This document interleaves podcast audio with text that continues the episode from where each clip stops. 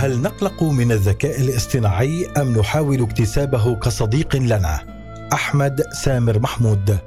ليس غزوا فضائيا يهدف إلى القضاء على البشر واستبدالهم بل هو من صنع البشر لاستبدال بعض المهام البشرية. لطالما كان وجوده مقتصرا على أفلام الخيال العلمي إلى أن بدأ هذا الخيال بالتشكل على أرض الواقع في صورة بشر من معدن. يستطيعون تنفيذ ما هم مبرمجون عليه فقط وهذا ما يطمئن الناس حين يتأكدون من عدم قدرة تلك الكائنات على امتلاك إرادة حرة. ولكن يبدو أن تلك الكائنات المعدنية لا تختلف عنا كثيرا فأخذت تتطور أو يتم تطويرها إلى أن ظهر لها ما هو أشبه بأدمغة وعقول ذات قدرة فائقة على التمييز. والتفكير وإبداء الآراء وكتابتها وغيرها من الأعمال التي ظن البشر الطبيعيون لفترة أنها مقتصرة عليهم ولن يتم المساس بها. هذا هو باختصار شديد الذكاء الاصطناعي. قبل بدء حديثنا يجب التنويه إلى شيئين. الأول اننا هنا نركز على الذكاء الاصطناعي ومجال الكتابة لأن هذا ما يعنينا. ولهذا حين أتحدث عن الذكاء الاصطناعي أقصد بالأخص ChatGPT لأنه أكثر الأنظمة ارتباطا بمجال الكتابة والأكثر انتشارا هذه الفترة.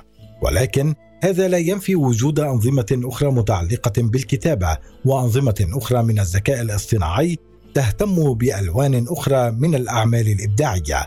أما الشيء الثاني فكل ما سيذكر في هذا المقال معرض بمنتهى السهولة لأن يكون منتهي الصلاحيه في غضون شهور أو أسابيع أو حتى أيام. وهذا ليس تقصيرا مني ولكن أشكال تطور الذكاء الاصطناعي حاليا أصبح من الصعب التنبؤ بها. وإن كنت لا تعلم فالذكاء الاصطناعي الآن يستطيع أن يجمع بيانات حول أي موضوع ويرتبها ويوظفها بوضعها في أي عدد من الكلمات يطلب منه. ويستطيع أن يؤلف قصصا وروايات ويستطيع أن يؤلف أغاني بأي أوزان أو قواف وأن يترجم أي نص ترجمة تليق بسياق الكلام وليست ترجمة حرفية. بالإضافة إلى كل ذلك يستطيع تصويب الأخطاء اللغوية والنحوية ولا يقتصر الأمر على لغة واحدة بل بكل لغات العالم. الآن يمكنك أن تستشعر قليلا لماذا وصفته بمستقبل لا يبشر بالخير، وستفهمني أكثر حين تقبل على استخدامه وتنبهر بقدراته. بين متكبر ومستهزئ وقلق انقسم الناس فمنهم من يرى بأن الذكاء الاصطناعي ليس بتلك الخطورة المنتشرة بل وتمادى البعض منهم فأخذ يسخر من بعض الأخطاء التي يرتكبها الذكاء الاصطناعي متهكما أن كيف لشيء يخطئ مثل تلك الأخطاء بأن يستبدلني أو حتى يسيطر على العالم. ومثل هذا إما جاهل ووجب علينا أن نعذر جهله ونعلمه أو متكبر ووجب علينا نصحه. فما توصل له الذكاء الاصطناعي مؤخرا ليس بالأمر الهين. حجم التطور والمهارات التي أصبح يستطيع القيام بها مرة واحدة كفيلة بأن تستبدل الكثير من البشر في مختلف الأعمال. وبالنسبة للأخطاء فأخطاء كتلك في البدايات مغفورة بلا شك ولأنه دائم التعلم ستقل أخطاؤه تدريجيا. أما إن كنت القلق فاطمئن.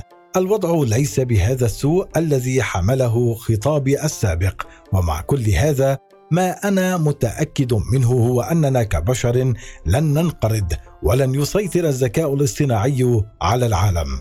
والحل للكل حتى يمكننا الخروج بأقل الخسائر من تلك المعركة الشرسة مع الذكاء الاصطناعي يكمن في كلمة واحدة هي التكيف.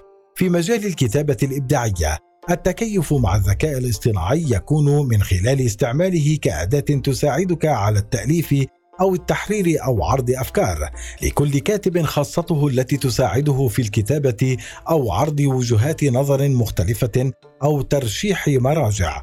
ومن ثم قد تساعدك في عملية التحرير من حسن اختيار ألفاظ وحسن ترتيب وتقديم للأفكار. وحتى إن لم يكن لك تلك الخاصة فأي دار نشر توجب مرور عملك على محرر قبل عملية النشر والعرض على الجمهور. الآن ماذا إذ أخبرتك عن توافر تلك الخاصية على هيئة شخص واسع الاطلاع ملم بكل ما قيل في كل المواضيع التي قد تخطر أو لا تخطر على بالك؟ ألن يكون من الأفضل أن تكسبه كصديق؟ حتى ولو تطور الذكاء الاصطناعي وأصبح قادرا على كتابة مقالات وقصص وأغاني فستظل تفتقد تجربتها البشرية وإن جل ما يميز كل تلك الأعمال هي تجربتها البشرية. أن تعبر عني وتلمسني أن أتفاجأ كيف فهمتني كيف تشابهت تجاربنا.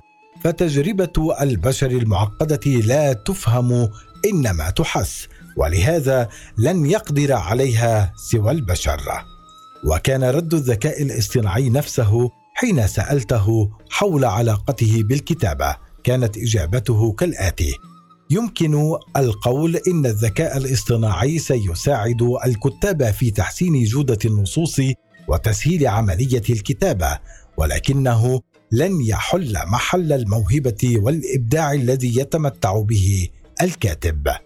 وكلامي حول أهمية التكيف ليس هذا ليس مبنيا على رغبات وأهواء ولكن ما غفل عنه الناس أن التاريخ يتكرر أمام أعينهم ولكننا قلما درسنا التاريخ لنتعلم بل ندرسه لندونه في الكتب والمجلدات لتزيين المكتبات. في القرن الثامن عشر ظهرت أجهزة معقدة يصعب للمواطن البسيط فهم آليتها وتسرح بسببها عدد لا بأس به من العمال. وهنا تضاربت الأقوال بين الناس فمنهم من ظن أن تلك الآلات لن تستطيع القيام بالعمل كما كانوا هم يقومون به بل ومنهم من أخذ يسخر منها منتظرا ثبوت فشلها في غضون فترة قليلة. وعلى الجهة الأخرى هناك من أدرك وجوب مواكبة هذا التطور الذي يصعب فهمه وتلك الآلات ما زالت تحتاج من يشرف عليها ويتابعها وما نراه الآن أن الماكينات أجادت الصناعة. من ناحية الدقة والإنتاجية والجودة أفضل بكثير من البشر ولم يثبت فشلها خلال فترة قصيرة أو طويلة من ظهورها. وإن كنت تظن أن المثال السابق بعيد كل البعد عما نحن بصدده الآن. فأحب أن أذكرك باختلاف الأحوال واختلاف شكل الحياة ولهذا لا تأخذ كلامي بشكل حرفي بل خذه بالقياس. ولكن تاكيدا لكلامي وطمأنة لشكوكك دعنا نأخذ مثالا آخر. مع بداية الألفية الثانية كان للإنترنت ظهور قوي حتى وإن كان قد اخترع من قبل هذا بسنوات. ومع ظهوره شعر البشر برعب يقترب منهم. شيء غير معلوم يستطيع أن يجول بهم حول العالم ويسمح لهم بالتواصل والتجارة فيما بينهم والتعليم. وعدد لا حصر له من المعاملات أصبحت تنقضي بكبسة زر ويتكرر السيناريو بين متكبر ومستهزئ وقلق ومتعلم ومتطور. كل هذا يوضح لنا أمرين. أما الأول فالحياة لم تنتهي. وعن الثاني لا يجب أن نغفل أن هناك بعض الأعمال قد محيت تماما سواء بعد الثورة الصناعية أو بعد ظهور الإنترنت. ومن استطاع البقاء منها فهو فقط من استطاع التكيف. ختاما كل ما علينا فعله الآن أن نتوقف عن القلق والاستهزاء بالذكاء الاصطناعي. وأن نتقبله ونرحب به ونحاول اكتسابه كصديق وضمه إلينا لنتعلم كيف نتعامل معه. فالأمر ليس ببساطة كتابة أوامر ويقوم هو بتنفيذها. فكلما تمكنا من حسن الحوار معه كلما كانت النتائج أكثر اثمارا.